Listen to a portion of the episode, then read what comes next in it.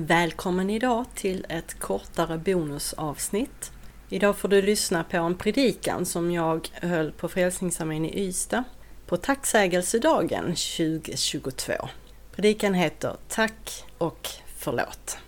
Och nästa vecka är jag tillbaka med ett vanligt avsnitt. Ha en god lyssning. Jag har ett fotoalbum från min barndom där hemma.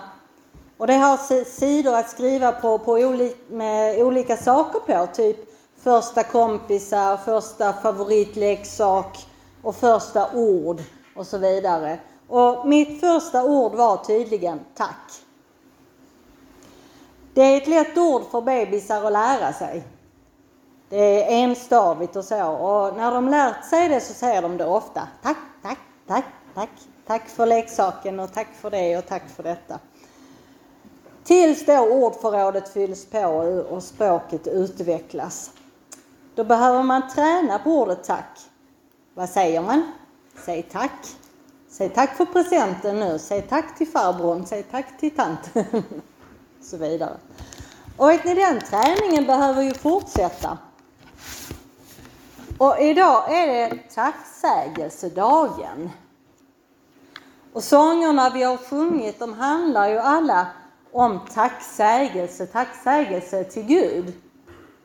Och vi börjar ofta våra böner till Gud med tack och det är som sig bör.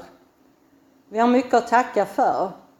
Fast när man har gjort lite övningar med folk och de har fått skriva listor på tacksägelseämnen och böneämnen. Gissa vilken lista som är längst?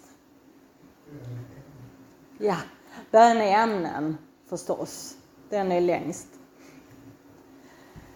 Men i dagens bibelord som Elisabet läste nyss så står det ju bland annat Låt Kristi frid råda i era hjärtan, den som ni kallades till som lemmar i en och samma kropp.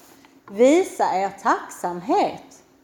Låt Kristi ord bo hos er i hela sin rikedom och med all sin vishet. Lär och vägled varandra med salmer, hymner och andlig sång i kraft av nåden och sjung Guds lov i era hjärtan.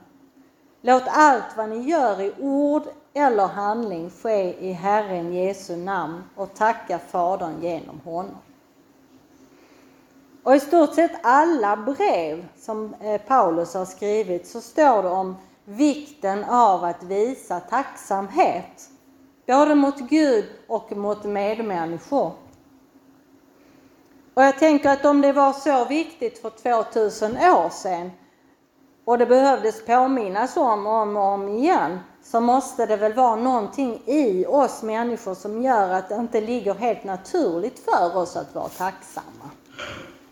Såklart finns det undantag. Och man kan ju ändra sin personlighet. Eller hur Kenneth? Men ofta är det människor som har gått igenom stora ting för att komma just till den punkten att man är tacksam. Och faktum är ju att tacksamhet är något vi behöver träna oss på. Det finns ju studier på det här också nu när det handlar om människors hälsa, både fysiska och mentala. Att tränar man sig i tacksamhet så mår man också bättre. Den fysiska stressen och spänningarna minskar och det påverkar den mentala och känslomässiga hälsan positivt. Om man säger att det är inte lyckliga människor som är tacksamma utan det är tacksamma människor som är lyckliga. Sug på den. Och ett sätt att träna på tacksamhet som är väldigt populärt inom flera områden är att på olika sätt skriva tacksamhetsdagbok. Till exempel genom att varje kväll skriva ner tre saker som man är tacksam för just den dagen. Och kanske inte bara upprepa samma saker varje dag utan nya, nya händelser, nya saker, nya människor.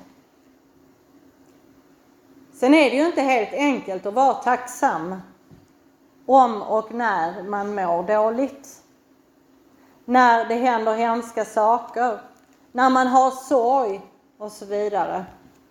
Och så är det ju. Livet kraschar ibland. Och att finna tacksamhet då är svårt. Och det är viktigt att förstå att man inte behöver vara tacksam för det som händer. Men man kanske kan försöka finna en tacksamhet mitt i det som händer. Trots att livet suger just då, för det gör det. Ett annat ord som vi har svårt att få fram är ordet förlåt. Det tränar vi också våra barn i. Säg förlåt till din bror nu. Mm. Förlåt. Hur många här har syskon eller har haft syskon? Har ni varit med om det då? Säg nu förlåt. Förlåt. Ja, det kanske kan räcka när det gäller något bråk om en leksak eller så. Men det stannar ju inte där och mycket, mycket i världen hade nog varit annorlunda om vi hade varit bättre på att både be om och ge förlåtelse. På riktigt. Vi är ofta rätt bra på att be Gud om förlåtelse. Och kanske också att förlåta Gud i viss mån. Men vi kan ha svårare att be andra om förlåtelse eller att förlåta andra. Eller att förlåta oss själva. Och nu drar jag inte alla över en kam. Det hoppas jag ni förstår, utan jag ser det mer överlag. Och Paulus han skrev om förlåtelsens betydelse i sina brev om och om igen. Jag kommer till dagens bibelord igen. Där det stod som Guds utvalda, heliga och älskade ska ni alltså klä er i innerlig medkänsla, vänlighet, ödmjukhet, mildhet och tålamod. Ha fördrag med varandra och var överseende om ni har något att förebrå någon. Liksom Herren har förlåtit er ska också ni förlåta. Men över detta ska ni ha kärleken, det band som ger fullkomlighet. Och om man kan se relationen mellan människor som en avbild av relationen mellan Gud och människan så kan ju en störd mänsklig relation ses som en störd relation till Gud. Och då återställer förlåtelsen relationen både mellan människor emellan och mellan människa och Gud. Så då kan man förstå varför Paulus poängterade tack och förlåt gång på gång. Och Gud förlåter ju oss, så vi bör förlåta varandra.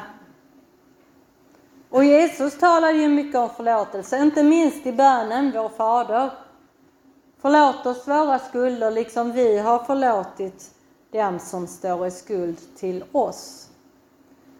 Jag läs själv i evangelierna och räknar efter hur mycket förlåtelse det finns där.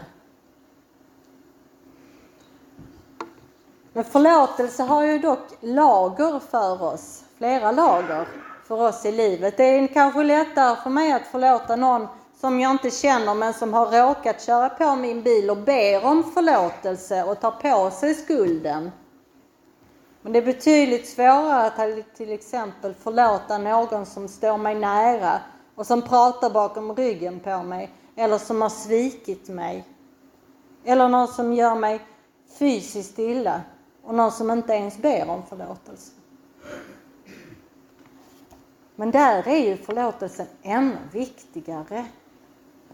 Det är viktigt att komma ihåg att förlåtelsen inte är detsamma som försoning. Att förlåta någon behöver inte betyda att man blir bästa kompis med den personen. Man behöver inte ens träffas. För det kan vara osunt för båda, men själva förlåtelsen är viktig. Att förlåta någon för sin egen skull, så att man själv blir fri. Där i ligger hemligheten varför det är så viktigt.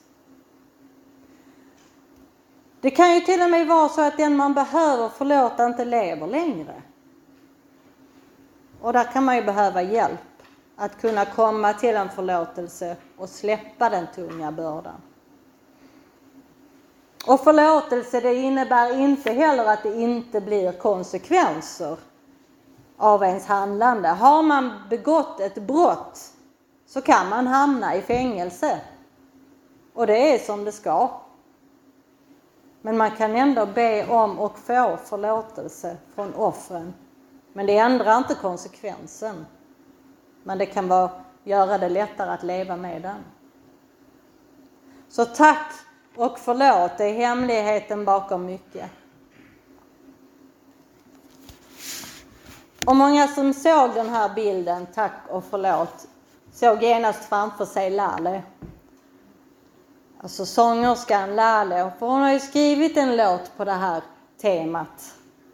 Där texten, delar av texten lyder så här. Har du hört allting vi säger?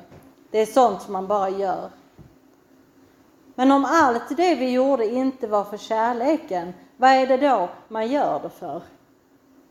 Har du hört allting vi säger? Tiden läker inte alla sår. Och jag vet att jorden bara tänker snurra på, men världen stannar med ett tack. Förlåt. Förlåt för alla de som inte kunde något annat, som inte visste något bättre. Får jag säga förlåt för dem? Tack mamma, tack pappa. Tack till alla vägar som man gått. Tack till livet som vi bara fått. Tack till hjärtat som bara vill fortsätta slå. Tack jorden. Tack, förlåt. Men det enda jag är säker på är tack, förlåt. Hon har fångat det här i några korta meningar. Tacksamheten och förlåtelsen som en grund för att världen ska fungera. Tänk om man inom politiken kunde ta till sig det här med tacksamhet och förlåtelse. Hur annorlunda skulle inte allting ha varit? Och överallt egentligen. På arbetsplatser, skolor, föreningar, församlingar. Ja, man kan ju drömma och be. Och vi kan be för att fler lärjungar, fler Jesus efterföljare kommer in i maktens korridorer och kan påverka till förändring inifrån. Men vi kan inte förändra någon annan, vi kan bara förändra oss själva. Vi kan bara vara Jesu lärjungar som lever i Guds rike där grundlagen säger tack och förlåt. Alla ska se att ni är mina lärjungar om ni älskar varandra, säger Jesus. Och grunden är tacksamhet och förlåtelse. Så det är inte lyckliga människor som är tacksamma, det är tacksamma människor som är lyckliga. Så skriv tacksamhetsdagbok eller liknande som träning i en större tacksamhet. Och ta emot och ge förlåtelse generöst. Det är mycket tyngre att bära på negativa känslor än fria och positiva sådana. Och fundera på vad du själv tror att du skulle behöva för att träna dig i tacksamhet och förlåtelse. Det kan ni fortsätta samtala runt borden sen när ni äter soppa. Jesus sa, alla ska säga att ni är mina lärjungar om ni älskar varandra. Så det enda jag är säker på är tack och förlåt.